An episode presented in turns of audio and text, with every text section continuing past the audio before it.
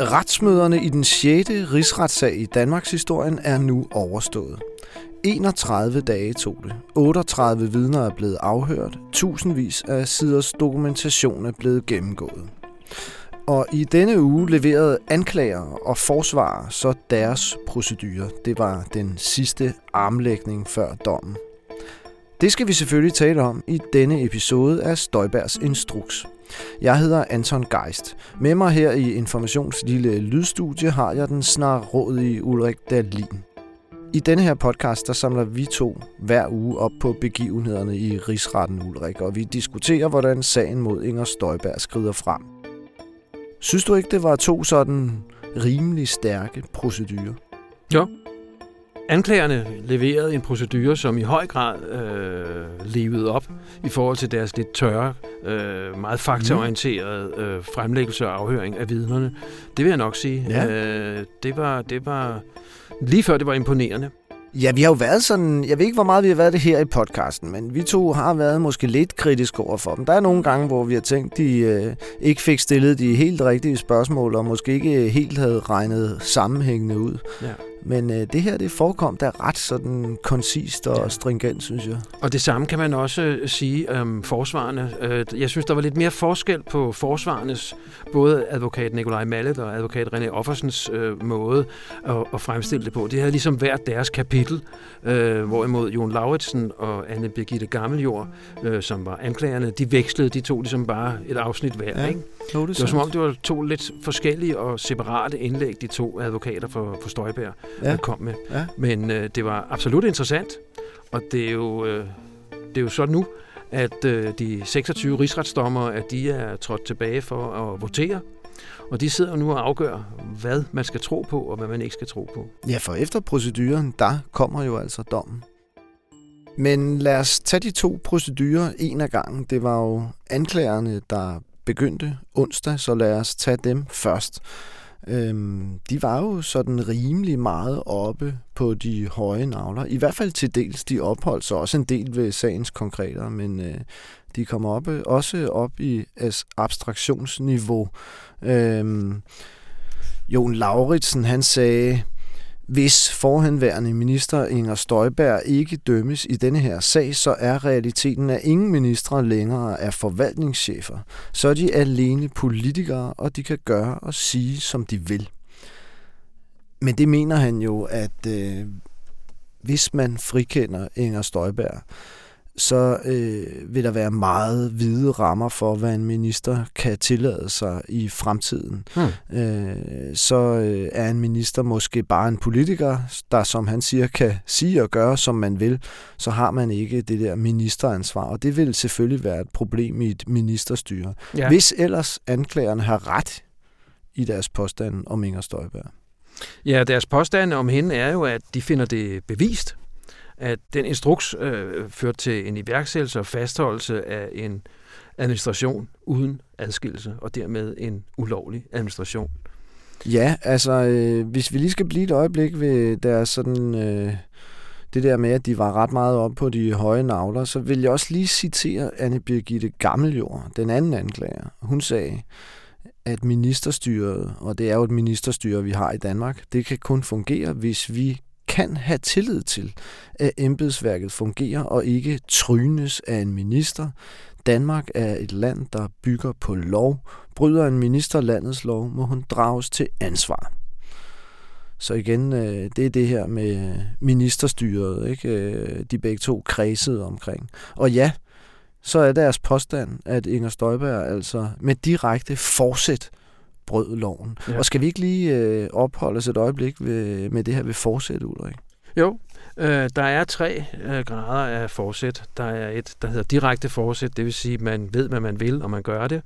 Og så er der et øh, sandsynlighedsforsæt, som er sådan lidt afsvækket, at man øh, må regne med, at øh, hvis man gør sådan og sådan, så kan det føre til det resultat. Og endelig er der noget, der hedder dolus eventualis, som jeg synes er lidt svært at forstå, men som jeg fatter det, så går det ud på, at hvis man en anden gang vidste, at det ville føre til det resultat, så ville man gøre det igen. Ja, jeg tror, at sandsynlighedsforsæt og dolus eventualis er vel sådan øh, to øh, grader af sandsynlighed. Ikke? Altså, jo. at man med mere eller mindre sandsynlighed skal have været klar over, at der kunne øh, mm. indtræffe den ulovlige handling, som følger af det, man gør. Mm. Øh, og så er der jo faktisk også en mulighed for, at Inger Støjberg kan blive straffet, selvom rigsretten måtte vurdere, at hun ikke havde forsæt. Anklagerne mener altså, at hun havde direkte forsæt. Og hvis ikke hun bliver dømt for det, så mener de, at hun skal dømmes for sandsynlighedsforsæt eller dolus eventualis, som du siger. Øh, men så er der altså også det, der hedder grov uaksomhed i ja. ministeransvarlighedsloven. Jamen det går kort fortalt ud på, at øh, hun som forvaltningschef har et ansvar for at sikre sig, at det, der sker i hendes system, at det foregår lovligt. Og øh, det spændende der er jo så, om man kan sige, at øh, Inger Støjberg havde grund til at tro, at det ikke foregik øh, ulovligt. Og der mener anklagerne, at i og med, at øh, hun så at sige med sin med sin øh, pressemeddelelse og det notat, vi også har snakket om mange gange, man ligesom vendte systemet på hovedet. Man skulle nu lave en adskillelse hver gang, der kom et ung par. Øh, så havde hun en større forpligtelse til at være sikker på, at hvis hun, som hun argumenterede for, at der skulle være undtagelser, at det så også rent faktisk fandt sted især henset til, at hun jo gang på gang på gang, såvel i svar til Folketinget som i udtalelser til medierne, øh, gav udtryk for, at det her var en øh, absolut ordning, at der ikke skulle være undtagelser. Alle skulle adskilles. Ikke? Ja. Hun kommunikerede ikke på noget tidspunkt aktivt ud, at der skulle være undtagelser. Yes. Skal vi ikke løbe igennem nogle af hovedpointerne? Det var jo nogle ret omfattende procedurer, altså fordi det er jo et meget, meget omfattende materiale, som vi også startede med at sige øh, her i dag. Øh, men vi har valgt nogle af de ting ud, som vi synes er mest interessante. Og øh, helt fundamentalt, så er det jo en meget væsentlig præmis at få opfyldt for øh, anklagerne, at det her, det var ulovligt. Og øh, det øh, har de så fået lavet nogle notater om, øh, vist nok med, også med noget juridisk bistand udefra. Øhm, og øh, der henviste de øh, grundigt til artikel 8 i den europæiske menneskerettighedskonvention, der jo beskytter retten til familieliv, og kom omkring en del domme fra den europæiske menneskerettighedsdomstol. Og de er så ikke i tvivl om, at det her indgreb over for de her familier, hvor man altså adskiller familier uden partshøring og øh, eventuelt med tvang, øh, det er et indgreb i deres ret til familieliv. Og de var omkring alt det her med, at hvis der skulle være tale om tvang, så har man ikke længere efter konventionen en ret til familieliv. Men det var der bare ikke nogen indikationer på i de her sager. Ja, og så er der også dansk forvaltningsret. Ifølge anklagerne så er der en række forvaltningsretlige grundsætninger, som objektivt set ikke er blevet overholdt i denne her sag.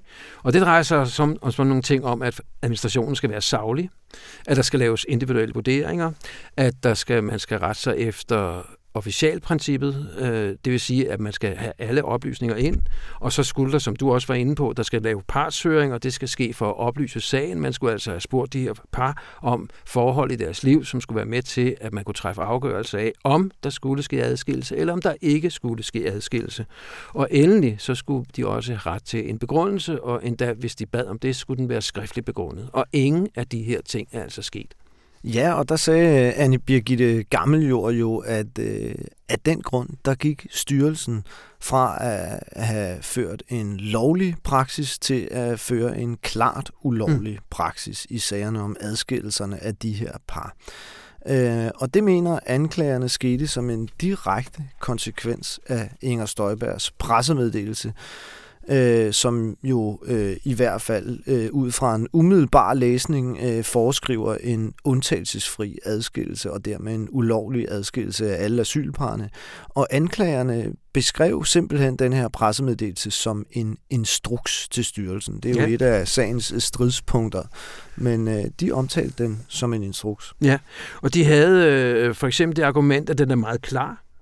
De havde også det argument, at der giver, altså selve pressemeddelelsen indeholder en operationel besked fra ministeren til Udlændingestyrelsen, Og så lagde de vægt på, at, som vi også sagde før, Inger Støjberg på intet tidspunkt har kommunikeret øh, i nogen sammenhænge, at pressemeddelelsen her øh, øh, ikke skulle tages for sit umiddelbare pålydende. Og endelig så henviste de til nogle udtalelser fra Inger Støjberg øh, fra den 10. februar, altså den dag, hvor pressemeddelelsen blev sendt ud, hvor hun også gav udtryk for, at alle par skulle adskilles. Ja, så er der jo det her klip fra DR's arkiv, som er dukket op i løbet af sagen, og som anklagerne har inddraget i sagen som bevismateriale, og som de også kom omkring et par gange i deres procedurer, hvor Inger Støjberg jo omtaler pressemeddelelsen direkte som en instruks til Udlændingsstyrelsen. Hun siger, at man skulle have noget ud, som man kunne administrere efter, da hun bliver spurgt til pressemeddelelsen. Og det står jo i modsætning til hendes påstand i øvrigt om, at pressemeddelelsen alene var et stykke politisk kommunikation. Altså den øh, køber anklagerne ikke.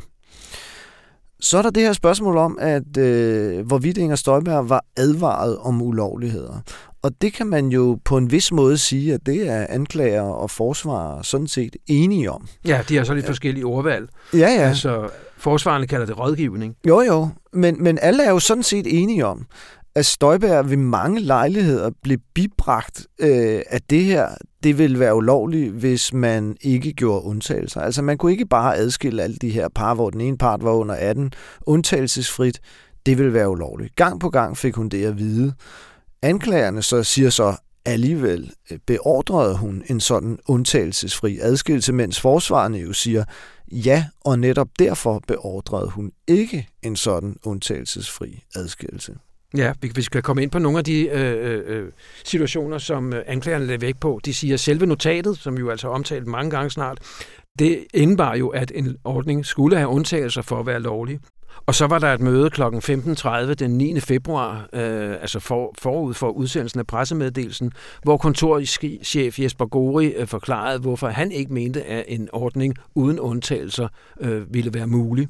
Og så var der hvad hedder det, det lidt specielle, at øh, den pressemeddelelse, som der samtidig blev arbejdet på i ministeriet, øh, den forelå i for to forskellige versioner, en med undtagelser og en uden undtagelser. Og der tog departementchefen altså og genindsatte nogle undtagelser, han først havde indføjet, men som så var blevet fjernet. Og det lagde anklagerne meget vægt på, og det måtte kunne ses som en meget tydelig advarsel til ministeren. Og endelig så var der det her koncerndirektionsmøde om formiddagen den 10. februar, hvor øh, Lykke Sørensen, afdelingschefen øh, i udlændingeafdelingen, klart gjorde, øh, gjorde det klart for Inger Støjberg, at uanset hvad hun siger, så ville man administrere med undtagelser. Ja, og alligevel så udstedte Inger Støjberg altså ifølge anklagerne en instruks om undtagelsesfri adskillelse af de her asylpar. Og der øh, synes jeg, Jon Lauritsen havde nogle bemærkelsesværdige pointer, som øh, sådan for en umiddelbart betragtning bevægede sig lidt længere end sådan den rene jura. Øh, fordi øh, han sagde, at det sandsynligvis var af politiske årsager, at hun uden nogen savlig grund og så er vi alligevel lidt på jurens terræn, for det handler om, om der var saglighed her øh, at hun altså uden savlig grund instruerede styrelsen i at gå fra denne her lovlige til den ulovlige ordning. Jon Lauritsen, han sagde blandt andet, hun havde et taktisk politisk ønske om en stram udmelding. Og han mente simpelthen ikke, at øh, han troede ikke på, at det reelle formål havde været at beskytte de mindreårige piger. Det mener han også, der er belæg for at sige i sagens dokumenter. Øhm, og at Støjberg fandt sagen politisk opportun, fordi kritikere af det her med at adskille par, hvor den ene er en mindreårig pige, at de fra starten er i defensiven, som han sagde. Ikke? Altså det er en svær position, hvis Inger Støjberg siger, at hun vil hjælpe øh, piger øh, ud af tvangsægteskaber, at skulle argumentere imod. Og der er også øh, enkelte steder i det ret omfattende materiale nogle glimt af, at Støjberg har fundet denne her sag politisk opportun, og det var dem, han øh, støttede sig til. Ja, der er for eksempel et, øh, et referat fra et møde, Inger Støjberg havde i januar 2017, altså før ombudsmandens redegørelse, øh, hvor øh, hun siger, øh, øh det er et møde, hun har med ordførerne, altså i Blå Blok, udlændingeordførerne, hvor hun siger, at det vil være kærkommen, hvis hun får en hård kritik fra ombudsmanden. Et andet element der var meget væsentligt i anklagernes øh, procedure, øh, det var det her med konsekvenserne for de berørte asylpar. Det har nok især betydning for strafudmålingen. Altså, hvis man finder hende skyldig, hvor, øh, hvor mange måneders fængsel eller hvor store bøder skal hun så have. Der kommer det i spil, hvor store konsekvenser det har haft for parerne. Øh, og der øh, gennemgik øh, anklagerne de her temmelig alvorlige konsekvenser, som det havde for parerne, som vi jo også har talt en del om i den her podcast, og jeg tænker ikke, at vi skal dykke for langt ned i det i denne her ombæring. Men øh, de sagde også lige frem, at de mente, at de her par de blev ramt endnu mere intensivt, end tamilerne blev i Tamilsagen, dengang Erik Nin Hansen altså berostillede familiesammenføringer for øh, sri lankanske flygtninge. Og øh, det var jo den femte og seneste rigsretssag i Danmarks historien. Og øh, der havde anklagerne den pointe, at i Tamilsagen, der opretholdt man jo blot status quo. Øh, man lå tamilerne blive, man berostillede familiesamføringerne, øh, man lå nogen blive på Sri Lanka, mens deres familiemedlemmer opholdt sig i Danmark. Men i den her aktuelle sag, der tager man altså nogle par, der bor sammen, og så adskiller man dem. Og derfor mente anklagerne, at øh, indgrebet er værre over for dem, end det var over for tamilerne. Og nu øh, tænker jeg, at vi godt lige kan gribe øh, kortvarigt frem til forsvarernes øh, procedurer, selvom vi i øvrigt skal forsøge at holde de to ting adskilt. Men der var René Offersen langet jo rimelig hæftigt ud efter det her, altså den ene af Støjbergs to advokater. Han sagde, at de mange besynderlige ting, som anklagerne sagde i deres procedure, der var det her alligevel højdespringeren. Ja, og det begrundede han jo blandt andet med, at der var omkring, øh, øh, hvad hedder det, 340, øh, der var indblandet i Tamilskandalen, altså 136 familier, og så var det jo konerne og børnene, der var på Sri Lanka, eller i Sri Lanka, og øh, hvis man så tager, hvad hedder det, denne her sag med de unge asylpar, ja, så var der altså tale om øh, højst 80 personer, øh, som var omfattet af, af denne her instruks, og som øh, Rene Offersen ud udlagde det, ja, så var de altså i nogle måneder blevet, var der to, 23 par, der var blevet indkvarteret på hver sit asylcenter, men dog i busafstand fra hinanden, og han mente ikke, at de to ting overhovedet tålte nogen sammenligning. Og det synes jeg sådan set, at han har en pointe i. Det synes jeg også. Det må man sige. Den øh, tror jeg heller ikke, de kommer igennem med anklagerne. Det kan være, at de føler, at de skal forsøge at sige det, og måske heller ikke rigtig selv tror på, at dommerne køber den, men øh, vi køber den i hvert fald ikke som udgangspunkt. Ja, og jeg ved ikke, om vi skulle gå videre til det her ministernotat. Jo, det synes fordi jeg. det har øh, forsvarerne jo i høj grad hængt deres hat, eller hatte på. Men der øh, sagde anklagerne, at øh, hvis man gik ind på logfilerne i det der F2-system, altså ministeriets journalsystem, ja, så kunne man sådan set se, at det notatet ikke havde spillet nogen rolle efter udsendelsen af pressemeddelelsen den 10. februar. Og det fremgår jo også af sagens dokumenter, at øh, det omtales ikke rigtigt i dagene efter Inger Støjberg godkendte 9. februar 2016. Ja. Det er ganske, ganske få mails. Der er ingen, der har været rigtig inde efter den 10. februar og kigge efter det der øh, notat. Men jeg tror lige, vi skal præsentere notatet forfra. Øh, fordi øh, det er jo ikke sikkert, at alle øh, lytter lige så grundigt til vores podcast. Det er så i givet fald 16. eller 20. gang, at vi præsenterer det her ja, notat. men skal vi ikke men... bare sige om notatet, at det var et notat, som åbnede for, at man kunne gøre undtagelser, når man adskilte de her par. Så det var et notat, der kunne siges at åbne for en lovlig forvaltning, og det notat godkendte Inger Støjberg, og derfor har Inger Støjbergs forsvar sagt, at hun havde accepteret en ordning med undtagelser, det vil altså sige en lovlig ordning. Ja, og det der så har øh, undret øh, såvel anklagerne, men også andre undervejs, det er jo, at hvorfor, hvis det her notat var så vigtigt, hvorfor har Inger Støjberg ikke tidligere omtalt det? Hun har ikke omtalt det over for Folketinget, hun har ikke omtalt det over for medierne, hun har ikke omtalt det i, over for ombudsmanden. Øh, det er faktisk noget, der først dukker op i Instrukskommissionen, fordi det indgår som en del af det materiale, som hendes bisider modtager. Ja, vi ved jo ikke, om det er derfor, øh, at det dukker op der. Det dukker op i hendes forklaring, men vi kan da sige, at Instrukskommissionen vel antyder, at det er årsagen, altså at kommissionen selv ja.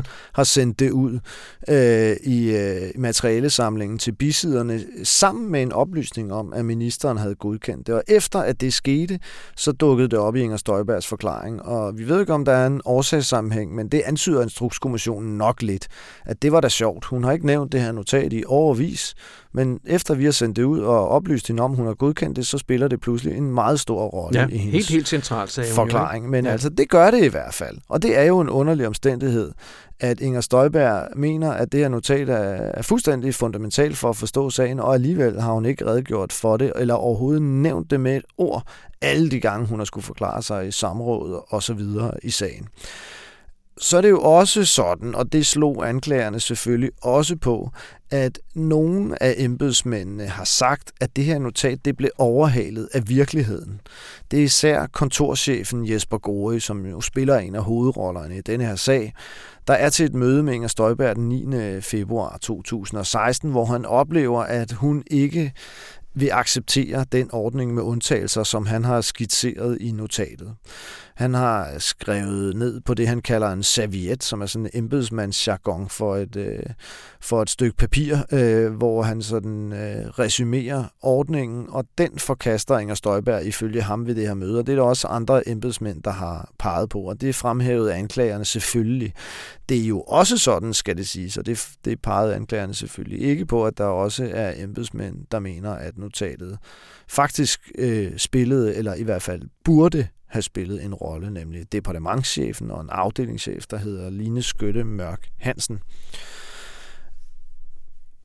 Det her øh, notat, det nåede jo aldrig frem til Udlændingsstyrelsen. Det står i hvert fald helt klart. Øh, der er intet, der tyder på, at de nede i Udlændingsstyrelsen, som jo altså var dem, der skulle eksekvere adskillelserne, var klar over, at Inger Støjberg havde godkendt et notat med mulighed for undtagelser. Nej, det er jo et af sagens problemer, at, øh, eller det er et af sagens, sagens kendskærninger. Det Udlændingsstyrelsen fik, det var jo pressemeddelelsen, og den udelukkede jo undtagelser. Ja, og alligevel så øh, gjorde styrelsen jo ikke det, at de bare indførte en undtagelsesfri praksis. Som vi tidligere øh, har talt om her i podcasten, øh, så gjorde de øh, tværtimod det, at de inddelte de her asylpar i nogle grupper. Og så tog de øh, de par først, hvor de mente, at de øh, kunne adskille, uden at det nødvendigvis ville føre til ulovligheder. Og så gemte de, så at sige, de værste til sidst, altså dem, hvor de virkelig mente, at der ville opstå ulovligheder. Og de aller værste, dem gik til, de sidste ende til ministeriet med og sagde, i de her sager mener vi simpelthen ikke, at vi kan adskille. Øh, og de ja, det er par... måske lige knap nok at sige, at de gik til ministeriet. De kæmpede jo i lang tid for at få lov til at, at hvad hedder det, for at kunne forelægge de her sager, ikke?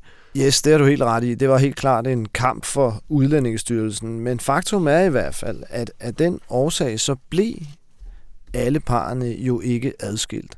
Og det har været et hovedargument for Støjbergs forsvarer. De har selvfølgelig sagt, at øh, Støjberg hun er anklaget for, at hun har indført en undtagelsesfri praksis. Alle asylpar skulle adskilles, men virkeligheden var jo, at det ikke var alle asylparne, der blev adskilt. Og der var anklagernes pointe selvfølgelig i proceduren, at det ikke var Støjbergs fortjeneste. Det var tværtimod, fordi at embedsmændene i Udlændingsstyrelsen var gået direkte imod Inger Støjbergs instruks i enkelte af sagerne. Og da de så skulle ligesom trække, øh, øh, hvad det, sætte stregen og sige, hvad fører det her så frem til, ja, så var deres, øh, deres argumentation, det var, at det skulle føre til ikke mindre end fire måneders ubetinget fængsel. Og det kan man jo så godt sige, lige præcis fire måneders fængsel. Det var præcis, hvad Erik N. Hansen fik tilbage i 1995. Hans fængselsdom blev dog gjort betinget hensyn til hans alder og hans helbred. Og det er selvfølgelig så, fordi de mener, at den her sag, den er i hvert fald, og måske også værre, men i hvert fald lige så slem som Tamilsagen. Og det er det, som vi to i hvert fald mener er en lidt tvivlsom påstand. Men lad os ile videre til forsvarernes procedurer, som bestemt også var både sammenhængende og kontant. Øh, det er jo sådan i denne her sag, at materialet er så omfangsrigt. Der er så mange afhøringer, der er så utrolig mange tusind siders dokumentation, at man kan sagtens fremstille den her sag på to nærmest modsatrettede måder, og det var præcis, hvad der skete. Forsvarerne fremhævede nogle andre vidneudsagn og nogle andre dokumenter end anklagerne. Øh, og Ulrik, jeg ved, du øh, hæftede dig lidt ved noget, du synes var sådan en lidt sjov sprogbrug fra... Øh, Inger Støjbergs ene advokat, Nikolaj ja, det var Mallet. Nikolaj Mallet, og man må jo lige have med her, han har jo været med, jeg nær sagt siden den, den puniske borgerkrig, men uh, han har i hvert fald været med som Inger Støjbergs bisidder helt tilbage fra Instrukskommissionen, så det er ufattelig mange timer, han må have brugt på denne her sag, og der synes jeg så, det var, det var, det var, det var øh, sjovt og øh, positivt, at han startede sin procedure med at, at sige, at nu ville han øh, så starte ørkenvandringen gennem denne her sag. Og han, da han så nogle timer senere var kommet til slutningen af sin procedure, så sagde han, at nu ville han lige komme ind på de sidste krampetrækninger. Og det synes jeg bare, øh, han havde ellers fremstået sådan meget tør og meget øh, fattet og savlig, og så var det der positivt opmuntrende at se, at han altså har denne her humoristiske side. Den har han ikke vist meget af.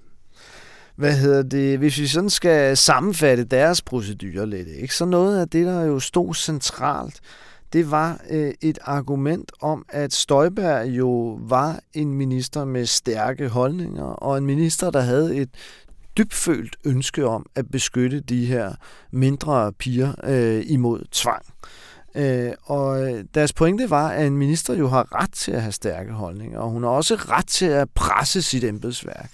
Og der mente de altså, at hun pressede sine embedsmænd for at sikre den maksimale beskyttelse af de her unge piger. Øh, og det øh, forklarede de, at det er jo ikke strafbart, og det er jo også rigtigt nok. Øh, man kan jo godt have nogle politiske ønsker som minister. Øh, strafbart, det bliver det først, sagde de, når hun direkte eller indirekte giver sit embedsværk instruks om at foretage sådan en her ulovlig adskillelse af, asyl, af asylparerne. Og det er jo det, hun er anklaget for. Altså, det er ret præcis det, der står i anklageskriftet, at hun var ansvarlig for denne her ulovlige forvaltning. Øh, alternativt, hvis hun havde været bevidst om, at der foregik en ulovlig sagsbehandling nede i Udlændingsstyrelsen, og øh, hun ikke reagerede på det, ikke greb ind, øh, så er vi nok over i det, vi talte om før, der hedder grov uaksomhed. Og øh, der var forsvarernes pointe selvfølgelig, at det er der ingen dokumentation for, at hun skulle have gjort eller vidst. Ja, altså de har jo afhørt hver det eneste embedsmand, der har været inde, om vedkommende har hørt Inger Støjberg give en, en instruks eller en befaling om at, at gøre noget, der var ulovligt i strid med konventioner osv., og, og det har ingen jo kunne svare ja til, at det har de hørt. Ja, og der kan man sige, det øh, samme skete jo i Instrukskommissionen. Instrukskommissionen mener jo heller ikke, at Inger Støjberg gav en direkte tjenestebefaling. Instrukskommissionen mener, at hun udtrykte og fastholdt et ønske om at adskille dem alle sammen, og at det var det her ønske, som fik embedsværket til at agere på en måde, så det endte i en ulovlig forvaltning. Altså, det er klart, at forsvarernes øh, procedurer i ret høj grad var bygget op om det her notat. Det er vel grundpillen i, i deres forsvar, og det er da også klart, at det er det. Fordi der er ikke så forfærdeligt meget, eller der er meget lidt faktisk skriftligt materiale om øh, lige de her dage og det retlige aspekt af det her, denne her adskillelse. Men der er altså faktisk et notat, som indeholder nogle juridiske overvejelser, og som altså åbner for, at ikke alle par skal adskilles. Og det notat godkendte Inger Støjberg. Og det slår advokaterne selvfølgelig meget på. Det gør de, og de går jo så også i bræschen mod de øh, vidneforklaringer, for eksempel fra kontorchef Jesper Gori og Lykke Sørensen om, at det her notat ikke spillede nogen rolle.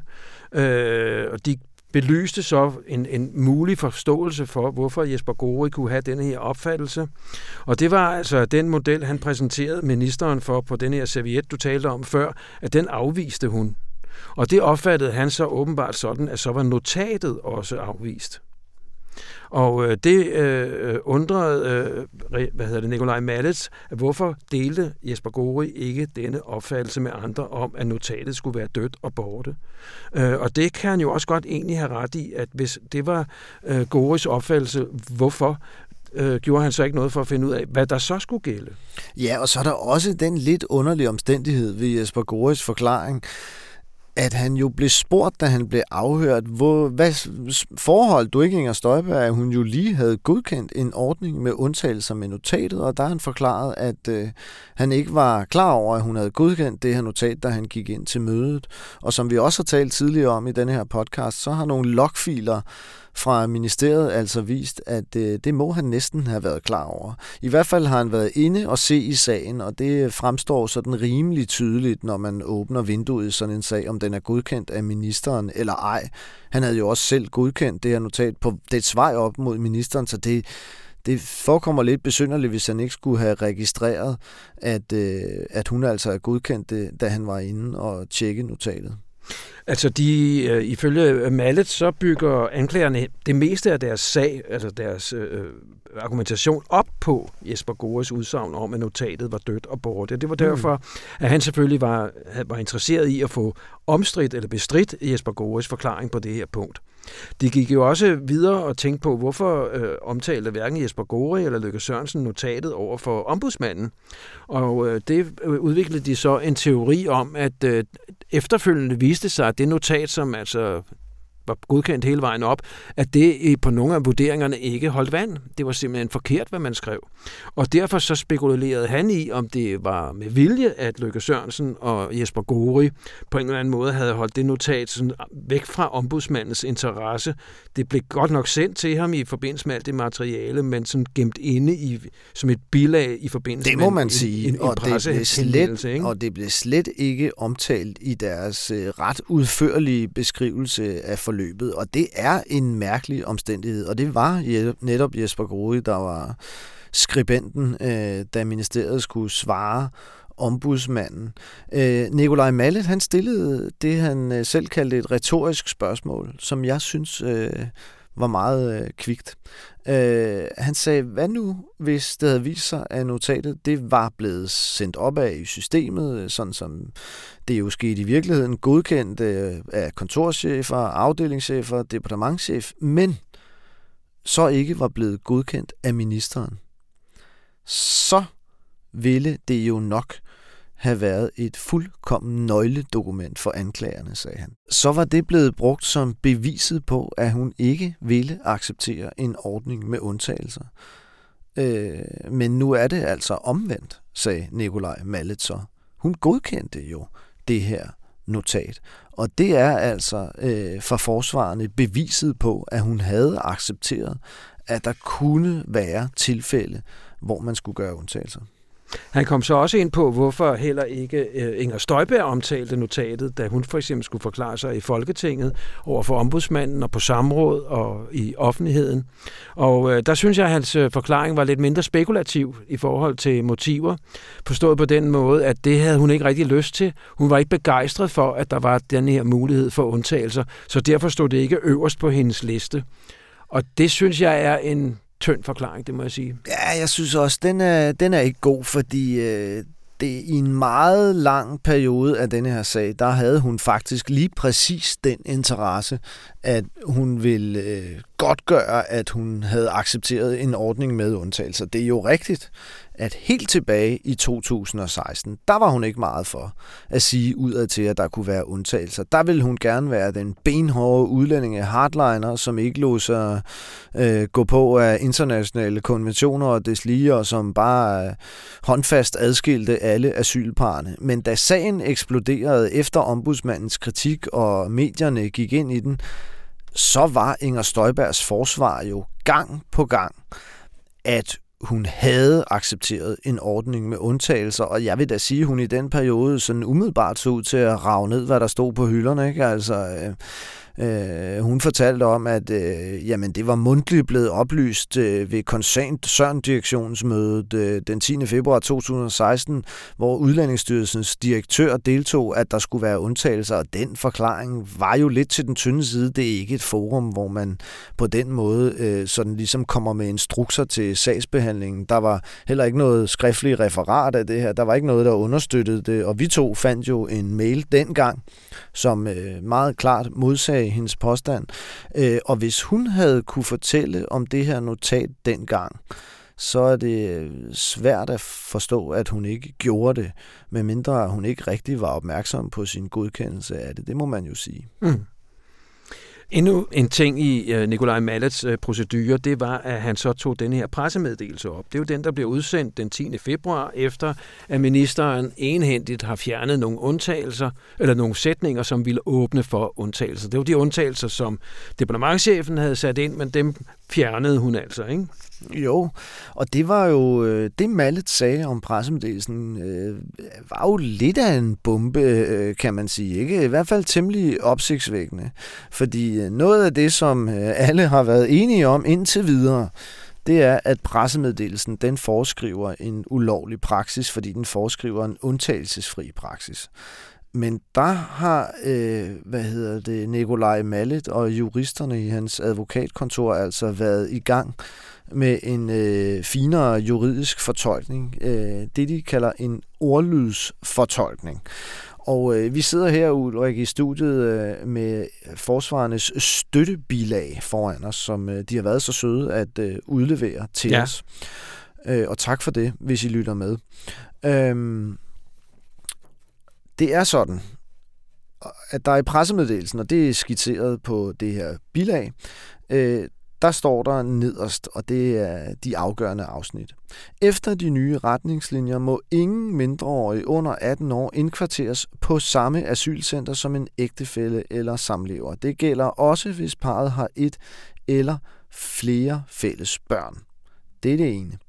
Så står der, som det 9. og sidste afsnit. Inger Støjberg har også bedt Udlændingestyrelsen om at skille parerne ad i aktuelle sager om mindreårige, der bor sammen med en ældre ægtefælle eller samlever. Og øh, det er ikke nogen helt øh, nem opgave at skulle forklare øh, denne her ordlydsfortolkning her i podcasten, hvor øh, man ikke kan øh, se det her bilag, vi sidder med. Men det, der er afgørende, det er, at når der står også ja. i 9. afsnit, så må det jo øh, hvad hedder det, indebære, at det forrige afsnit, altså om de nye sager, de fremtidige sager, ikke er omfattet af det. Og så betyder en ny kreds. Ja, og øh, det der også er afgørende, det er, at øh, når der står om de aktuelle sager, at hun har bedt Udlændingestyrelsen skille dem ad, så fremgår det ikke, om de skal skilles ad på hver sit asylcenter, eller om de bare kan være adskilt på hver sit værelse på det samme asylcenter. Og det er lidt kompliceret det her, og derfor skal vi nok heller også ikke opholde os alt for længe ved det. Men pointen er, at på det her tidspunkt, der havde man en retsopfattelse i ministeriet, som var, at i undtagelsestilfældene, i de tilfælde, hvor man ikke kunne adskille på hver sit asylcenter, så kunne man faktisk adskille på hver sit værelse på det samme asylcenter. Og øh, der er pointen så, at øh, hvis man laver denne her ordlydsfortolkning af det sidste afsnit i pressemeddelelsen, så står det ikke helt klart, om det er på hver sit værelse eller på hver sit asylcenter. Og hvis det bare er på hver sit værelse, så er det jo også en adskillelse, og så er det ikke nødvendigvis forkert, hvad Inger Støjberg øh, har fået skrevet i den her pressemeddelelse. Jeg er ikke sikker på, at det giver 100% mening for jer derude. Øh, Ulrik, du vil lige øh, knytte en ekstra det, kommentar det, til det. Det, som man gør, det er jo, at han tager pressemeddelelsen, så klipper han den op i små enkelte afsnit. Ja. Og så siger han, det enkelte afsnit uden forbindelse til det forrige eller til det efterfølgende, at det er lovligt. Ja, og det ja. næste afsnit, som det står, at det er så lovligt. Og så finder ja. han så ud af ved at lave den her ordlydsfortolkning og lægge stor vægt på ordet også mellem det 8. og det 9. afsnit, at så er øh, begge afsnit hver for sig lovlige. Ja, og øh, det er ikke, øh, synes jeg, helt hen i vejret, det her.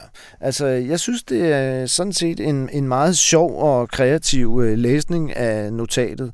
Øh, jeg tror, at de selv vil sige, at det er den eneste juridisk korrekte øh, ordlydsfortolkning. Altså, de er jo godt klar over, Inger Støjbergs forsvar, at det er jo ikke sådan, øh, at Inger Støjberg på noget tidspunkt har præsenteret denne her læsning af pressemeddelelsen. Og det er der heller ikke rigtig nogen andre, der har. Så de argumenterer jo egentlig ikke for, at, øh, at deres klient ligesom forstod pressemeddelelsen, sådan som de nu har fortolket den, og derfor hele tiden anså det her for lovligt. Det var heller ikke sådan, de Men, afhørte hende, da hun blev afhørt. Det kan man ikke sige, nej. Og det virkede faktisk også lidt som om, der var en, jeg vil ikke sige uenighed mellem de to forsvarer, men at de ikke helt var på linje, fordi øh, Offersen... Øh, øh, beskrev jo øh, det her som ikke lovligt, mens Mallet i højere grad ud fra denne her ordlydsfortolkning til synlædende øh, beskrev det som øh, lovligt. Men noget af det, som de bruger den her fortolkning til, det er at sige, medarbejderne i Udlændingestyrelsen, de kunne godt have gået lidt mere kreativt til værks, dengang de modtog instruksen. Fordi da embedsmændene modtager øh, pressemeddelelsen fra departementet, altså fra ministeriet, så bliver de ifølge deres egen forklaring ringet op af en afdelingschef for ministeriet, som siger, I skal administrere efter pressemeddelelsen. Og deres konklusion er så, at de skal administrere uden undtagelser, fordi det er jo det pressemeddelelsen sådan tilsyneladende og efter en umiddelbar læsning foreskriver. Og det gik de jo lidt i panik over. Det har de jo beskrevet som en dramatisk og meget ubehagelig situation. Og der er forsvarernes pointe så, at de kunne jo have gjort det samme dengang. Det var rutinerede jurister i chefstillinger i en styrelse, hvor man har med meget jura at gøre. Hvorfor lavede de ikke en sådan en ordlydsfortolkning? Som øh, advokaterne altså lavede i dag, og på den måde slap uden om ulovlighederne. Altså, jeg, vil så, jeg, har, jeg, jeg er ikke helt så begejstret for den, som du er, Anton. Fordi jeg synes, øh, for det første må man jo sige, ja, det har altså taget Mallet og, og hans medstøtter mm. altså et par år at ja, komme frem enig, til denne her øh, fortolkning. Ikke? De her mennesker reagerede jo ikke på en sag, der var sket. De reagerede jo fra time til time til time. Ikke? De får denne her, og de får navnlig at vide, at nu skal det altså gå stærkt. De skal sætte det i gang med det samme, og så videre. Så alle de her overvejelser om en ordlydsfortolkning og så videre, ikke? Altså, det virker en lille smule skrivebordsagtigt i forhold til den situation, jeg forestiller mig, at medarbejderne i Udlændingestyrelsen stod i tilbage om eftermiddagen den 10. februar 2016. Det er den ene ting. Ja. Den anden ting er, at øh, jeg synes også, man skal have med, at øh, for at Nikolaj Mallet kan sige, at det her afsnit 8 øh, er korrekt, Øh, der er lovligt nu, ikke? så tager han jo kun de indledningsvise indkvarteringer. Altså den aller, aller første indkvartering. Hvis man tager presmeddelelsen som et og siger, at det er det, som Udlændingsstyrelsen står for at vide, der står jo intet sted i det, at der kunne være par, som der skulle gøres en undtagelse med. Nej, nej, det gør der ikke. Men deres pointe er jo, at øh, det, der står, er ikke nødvendigvis udtømmende, men det er heller ikke forkert. Men jeg er nu heller ikke øh, på den måde øh, meget positivt indstillet over for det her. Det var måske mere underholdningsværdien i det, jeg var positivt indstillet øh, over for. Der er jo også vel som jeg umiddelbart ser det, det problem, og det var dig, der påpegede det egentlig, Ulrik, da vi diskuterede det tidligere, at denne her læsning af pressemeddelelsen, den ikke rigtig stemmer overens med notatet. Fordi notatet skældner ikke mellem øh, en umiddelbar adskillelse lige når nogle asylansøgere kommer hertil, og så adskillelsen af dem, der allerede bor her. Men nu bevæger vi os simpelthen for langt ja. ned, tror jeg, ja, ja. i detaljerne. Det bliver svært at forstå. En lille sidste ting om det, det er, at jeg synes, det er sjovt, at da ombudsmanden tilbage i 2017 kom med sin vurdering øh, af hele denne her sag, så sagde han, at pressemeddelelsen efter sin ordlyd var ulovlig.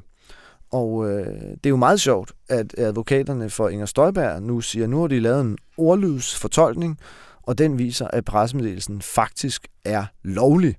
Der er så den forskel, at advokaterne her, de med lovligt mener, eller lovlig mener, at den var mm, i overensstemmelse med den retsopfattelse, man havde på det tidspunkt i ministeriet. Øh, og øh, ombudsmandens øh, vurdering er jo ikke i forhold til, hvordan de må have bildt sig selv ind, at juraen var indrettet på et bestemt tidspunkt i ministeriet, men i forhold til, hvordan juraen faktisk er indrettet. Men alt det her, det ændrer jo ikke på, at øh, vidnerne fra Udlændingsstyrelsen, de øh, fuldstændig unisont har forklaret, at de altså mente, at denne her pressemeddelelse, den var foreskrev en ulovlig praksis, dengang de tilbage i øh, februar, den 10. februar modtog den, og fik at vide, at de skulle administrere efter den, ifølge deres forklaring. Og der øh, var Støjbergs advokaters udlægning af alt det her, at det er jo meget muligt, at de havde den øh, vurdering nede i udlændingsstyrelsen. Og øh, det kan have været rigtigt, og det kan have været forkert, øh, men Støjberg fik det aldrig at vide. Og det er jo en meget god pointe. Altså, der er ikke noget, der tyder på, at nogen gav Inger Støjberg besked om, at man altså mente at have fået, være blevet pålagt en ulovlig praksis nede i øh, Udlændingestyrelsen. Og der talte anklagerne om øh, et dysfunktionelt øh, parallelunivers, altså at der var en virkelighed i Udlændingestyrelsen øh, og en anden virkelighed i departementet. Øh, altså at man i Udlændingsstyrelsen mente, at man var blevet pålagt en ulovlig instruks, men det blev ikke videreformidlet til Inger Støjberg eller de folk, hun øh, omgav sig med. Ja, og Malles pointe var, er selvfølgelig, at efter, efter hans vurdering, så er gerningsindholdet, som man siger, kun opfyldt, hvis Inger Støjberg havde holdt sig i, i uvidenhed, enten bevidst eller groft uaksomhed, omkring at denne her instruks fra Line Skytte Mørk Hansen til Udlændingestyrelsen, at den kunne risikere at være i strid mod menneskerettighederne. Øh, jeg vil også sige, at han, han, han, han, han tog også spørgsmål om grov uaksomhed op på den måde, at øh, han sagde, om skulle Inger Støjberg have interesseret sig mere aktivt for, mm. hvad der skete i øh, Udlændingsstyrelsen, henset til, at hun jo flere gange i offentligheden havde givet udtryk for, at alle skulle adskilles. Og der lavede han det tankeeksperiment, at hvad nu, hvis hun havde spurgt i Udlændingsstyrelsen eller i departementet om, at vi nu er sikre på, at alt går, som jeg gerne vil have det, det vil sige, har vi en administration med undtagelser. Hvilket forventelige svar havde hun så nok fået, øh, spekuleret mallet om, og konkluderet, at så havde hun jo nok fået svar om, at det går så fint, så fint, fru Kammer herinde. Men der synes jeg bare, pointen er, at øh, hvis hun havde stillet de her spørgsmål og fået de her mere eller mindre forkerte svar, så havde hun kunnet dokumentere i dag, at hun havde taget sin tilsynsforpligtelse som forvaltningschef alvorligt. Hun kan jo ikke afstå fra den forpligtelse, fordi hun på forhånd forventer at få nogle svar om, at alt er i orden. det synes jeg virkelig er en god pointe, Ulrik. Nå, men nu hvor vi er ved koblingen mellem øh, Udlændingsstyrelsen og øh, Integrationsministeriet, øh, og styrelsen er jo en styrelse under netop ministeriet, øh, så opholdt øh, Nikolaj Mallet og René Offersen sig selvfølgelig begge to også ved samtalen mellem Line Skyttemørk Hansen, afdelingschefen i Integrationsministeriet, og Lene Vejrum, der var vicedirektør i Udlændingsstyrelsen. Og det er også et helt øh, centralt moment i den her sag, fordi det er lige præcis i denne her samtale, eller måske de to samtaler, det er der lidt tvivl om, at øh, der bliver videreformidlet en instruks til synladende til Udlændingsstyrelsen. Og de to øh, kvinder har jo forklaret fuldkommen modsat rettet om samtalen. Lene Vejrum har sagt, at hun blev ringet op af Line Skytte Mørk Hansen og fik at vide, at hun skulle administrere i overensstemmelse med pressemeddelelsen, som jo altså var undtagelsesfri. Omvendt har Line Skytte Mørk Hansen forklaret, at hun ringede op og sagde, at Udlændingsstyrelsen ikke skulle administrere i overensstemmelse med den pressemeddelelse, hun lige havde sendt over til dem, og at de netop skulle gøre undtagelser. Øh, Instrukskommissionen de valgte at tilsidesætte Line Skytte Mørk Hansens forklaring. De troede på Line Vejums forklaring om, at styrelsen var blevet pålagt at følge pressemeddelelsen. Øh, og det øh, gjorde de nok især, fordi at der er en del dokumenter i sagen, der understøtter Lene Vejums forklaring, og Instrukskommissionen skrev noget i retning af, at der ikke var et eneste begivenhedsnært dokument, der støttede Line Skytte Mørk Hansens forklaring. Men de to advokater her for Inger Støjberg, de øh, påpegede, at der altså også er nogle problemer ved øh, Line Vejrums forklaring. Altså, for det første, øh, så undrede de sig over, at Line Vejrum ikke eksplicit spurgte Line Skytte Mørk Hansen i denne her, eller de her samtaler, samtaler om denne her henvisning til pressemeddelelsen, den virkelig skulle forstås sådan, øh, at man skulle indføre en undtagelsesfri praksis. Altså det var mere noget, man i Udlændingsstyrelsen sluttede sig til, at man skulle, fordi det var sådan, øh, man forstod pressemeddelelsen. Øh, Øh, de undrede sig også over, at Lene Vejrum, en vicedirektør i en styrelse, rutineret embedsmand, ikke tog notat. Øh, for det er klart, det tilskriver notatpligten i sådan, et, øh, i sådan en situation. Altså hvis hun faktisk modtog en instruks telefonisk om, hvordan styrelsen skulle forvalte. Der har Lene Vejrum, og det kom de jo så ikke rigtig ind på, faktisk forklaret, at hun sådan set mener, at hun skrev noget ned, men det er siden bortkommet, og så gik der nogle måneder, før hun øh, skrev et, en ny sådan telef- et nyt telefonnotat, en notits om denne her telefonsamtale. Og advokaterne mente også, at den notits, hun så faktisk skrev noget senere, at øh, den var ikke særlig præcis på det, hun i dag forklarer om det. Men alt i alt må man nok sige, at Instrukskommissionen har ret i, vil jeg mene, at Lene Vejums gengivelse af samtalen forekommer mere sandfærdig end Line Skyttemørk Hansen, simpelthen fordi der er så meget dokumentation, der bakker op om hendes version, og intet om Line Skyttemørk Hansens. Og man kan jo også sige, at, øh, at det var jo det, som Udlændingestyrelsen gik i gang med. Altså, de, gik, de havde en opfattelse af, at de havde fået en ulovlig ordre, og derfor måtte de afbøde den så godt, som de overhovedet kunne. Og så var det jo altså de to, de her par, hvor der ikke var graviditet, hvor der ikke var børn, og begyndte at adskille dem. Ja, ja. Det kan selvfølgelig have været en misforståelse. Altså, det kan jo være, at Udlændingsstyrelsen misforstod øh, øh, Line Skytte Mørk Hansen. Men under alle omstændigheder forklarer øh, advokaterne her i deres procedure. Altså, selv hvis det skulle være rigtigt, at en afdelingschef under Inger Støjberg ringer over til Udlændingsstyrelsen og beder Udlændingsstyrelsen følge en undtagelsesfri og dermed ulovlig praksis, så er det jo ikke noget, der implicerer Inger Støjberg. Altså, der er ikke nogen som helst dokumentation for, at det er Inger Støjberg, der har afgivet en direkte eller indirekte instruks, som får afdelingschefen her til at ringe over til styrelsen. Og det bringer os jo meget godt ind på øh, René Offersen og hans, øh, det væsentligste punkt i hans procedure, da han tog ordet efter Mallet. Og det gik ud på, at han øh, opstillede et scenarium. Han sagde, lad os antage, at der er givet en ulovlig instruks øh, fra Inger Støjberg. Hvis det er sket, så må den være sket på et møde, som fandt sted den 10. februar 2016, før at pressemeddelelsen blev udsendt, og dermed også sendt over til Udlændingestyrelsen. Og han mente så, at hvis det skulle være sket, så måtte det være sket på noget, han kaldte et eftermøde, som fandt sted efter koncerndirektionsmødet, hvor uh, deltagerne var Uffe Tordal Petersen og Inger Støjberg, og så hendes særlige rådgiver, Mark uh, Thorsen. Ja, Uffe Tordal er departementchefen. Ja, han var departementchef dengang. Og uh, hvis Uffe Tordal på det tidspunkt skulle have modtaget sådan en uh, tjenestebefaling fra øh, Inger Støjberg, så prøvede øh, René Offersen at udmale, hvordan det så ville være at være i departementchefens øh, sko. Han skulle så i givet fald kontakte en afdelingschef, Line Skøllemørk Hansen, som selv lige få timer forinden havde siddet i et møde, hvor hun havde hørt sin kollega Løkke Sørensen sige, at der kunne ikke være en ordning uden undtagelser. Og han skulle altså i givet fald bede vedkommende om at administrere på trods af denne klare tilkendegivelse på koncerndirektionsmøde. Øh, det var også sådan, at i det scenarium, øh, René Offersen opstillede, så var konklusionen sådan, at hvis man ikke kan bevise eller sandsynliggør, at Uffe Tordal Petersen har fået sådan en instruks, så kan man allerede af den grund frifinde øh, Inger Støjberg.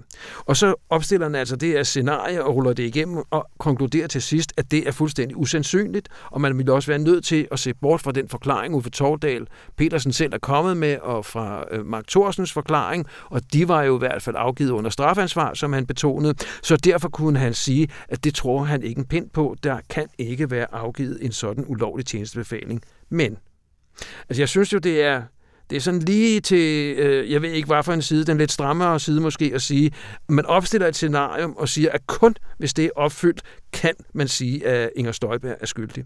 Altså ministeren kunne vel have tilkendegivet det her på andre tidspunkter, lidt før, lidt efter. Øh, han ser også bort fra det, som i hvert fald var Instrukskommissionens øh, konklusion, nemlig at embedsmændene i kraft af, at Inger Støjberg så mange gange gav udtryk for, hvad hun mente, nemlig at der skulle, at alle par skulle adskilles, at de måtte få den opfattelse, at det var hendes ønske. Præcis, altså øh, det er jo ofte sådan, ikke altid, men ofte sådan i sager om denne her slags ulovligheder, at der nok ikke bliver sagt sådan fuldstændig direkte, nu skal I begå denne her ulovlige handling. Men altså, at man formulerer nogle ønsker, som nogle folk render ind efter, og folk tænker nok heller ikke, nu går vi i gang med en ulovlig praksis, men tænker, vi kan godt lige gøre sådan her, og så ruller det lidt, og så går der lidt tid, og så fortsætter man ned ad den vej og sådan, ikke? Det er også noget af det, vi ved fra eksempelvis statsløse sagen, ikke? Altså, der var også flere embedsmænd, der fortalte om, at de her ulovligheder startede sådan som sådan en lille bitte snebold, øh, der begyndte at rulle, og ingen tænkte over, at man satte gang i en ulovlig praksis, og lige pludselig så var det blevet til en lavine. Øhm, der var jo også et sidste indslag i rigsretten i denne her uge, og jeg er klar over, at øh, vi allerede har brugt øh, meget tid, men det var jo også øh, en meget spændende uge i rigsretten. Og det her sidste indslag, det var Inger Støjbergs eget afsluttende indlæg, som jo i høj grad var en politisk tale, og som nok også i virkeligheden var mere henvendt til offentligheden, end den var til dommerne i rigsretssagen. Ja, det tror jeg. Man kan gå ind på øh, Inger Støjbergs hjemmeside, inger.dk, og der kan man se, hvordan hun ankommer øh, øh, dresset op til Folketingets samtaleværelse. Der blev hun så filmet, som om det var dronningens nytårstale med et stort skrivebord og ja. en buket blomster ude i siden og sådan noget. Hun mangler bare nogle sterinlys over i vinduet, så var den helt klar. Min vurdering af det var, at det var en slags martyrium, hun lagde op til der. Ikke? Altså, den gik i korthed ud på, at hun er altså politikeren, som kæmper for sine synspunkter, og det mener hun også, en politiker skal. Det er det, man er vant til, og det var det, hun altid havde gjort. Men hun var ikke sådan en, som gik over konventionerne. Nej, hun sagde hun, ja, for som hun sagde, hvis hun havde haft frie hænder, men det havde hun ikke, så kunne det godt være, at der var blevet gjort op med nogle af de her konventioner. Ja, fordi hun gjorde jo også meget klart, at hun mener, at konventionerne ikke er tidsvarende. De er skrevet på et tidspunkt før globaliseringen, og før vi har de, øh, eller vi fik de øh, udfordringer, vi øh, lever med i dag med immigration og så videre. Derfor var hun altså modstander af konventionerne, men det betød ikke, at hun kunne finde på at overtræde dem. Øh, men altså, det var en øh, politisk tale, og man skal nok ikke være blind for, at hun jo øh, er en øh, favoritkandidat til formandsposten i Dansk Folkeparti. Pia Kærsgaard var også til stede i øh, rigsretten. Øh, Martin Henriksen, som også tidligere har været til stede i rigsretten, var der også under øh, forsvarendes øh, procedurer. Men øh, spørgsmålet er selvfølgelig øh, i forhold til Dansk Folkeparti, om hun øh, kan blive formand, hvis hun bliver dømt i denne her rigsretssag. Og det leder os da meget fint videre til et spørgsmål, jeg der synes, vi bliver nødt til lige at diskutere. Må jeg ikke lige sige en lille ting, inden vi kommer til det? Jo. Altså, jeg synes, at øh, altså alle kan jo gå ind og høre talen og danse deres egen mening om det. Øh, jeg synes, at det er, altså det, i forhold til, hvordan hun tidligere har rost sine embedsværk, og ikke en pind eller en plet kunne hun sætte på deres arbejde. De var utrolig dygtige og hjælpsomme osv. Så, så siger hun alligevel undervejs her, ikke, at man kan ikke forstå hele den her sag, hvis man ser helt bort fra, at der hos nogle af asyloperatørerne, eller centeroperatørerne og i Udlændingsstyrelsen herskede en noget større accept af mellemøstlige normer og værdier, end der gjorde i Folketinget og Ministerkontoret. Det synes jeg er, at øh, rette en mistanke et helt andet sted hen, end der, hvor den måske hører hjemme. Det er jo ikke en sag for imod embedsmændene. Det er ikke en sag for imod barnebrud eller ej. Det er en sag om, hvorvidt en minister har overholdt lovgivningen eller ej.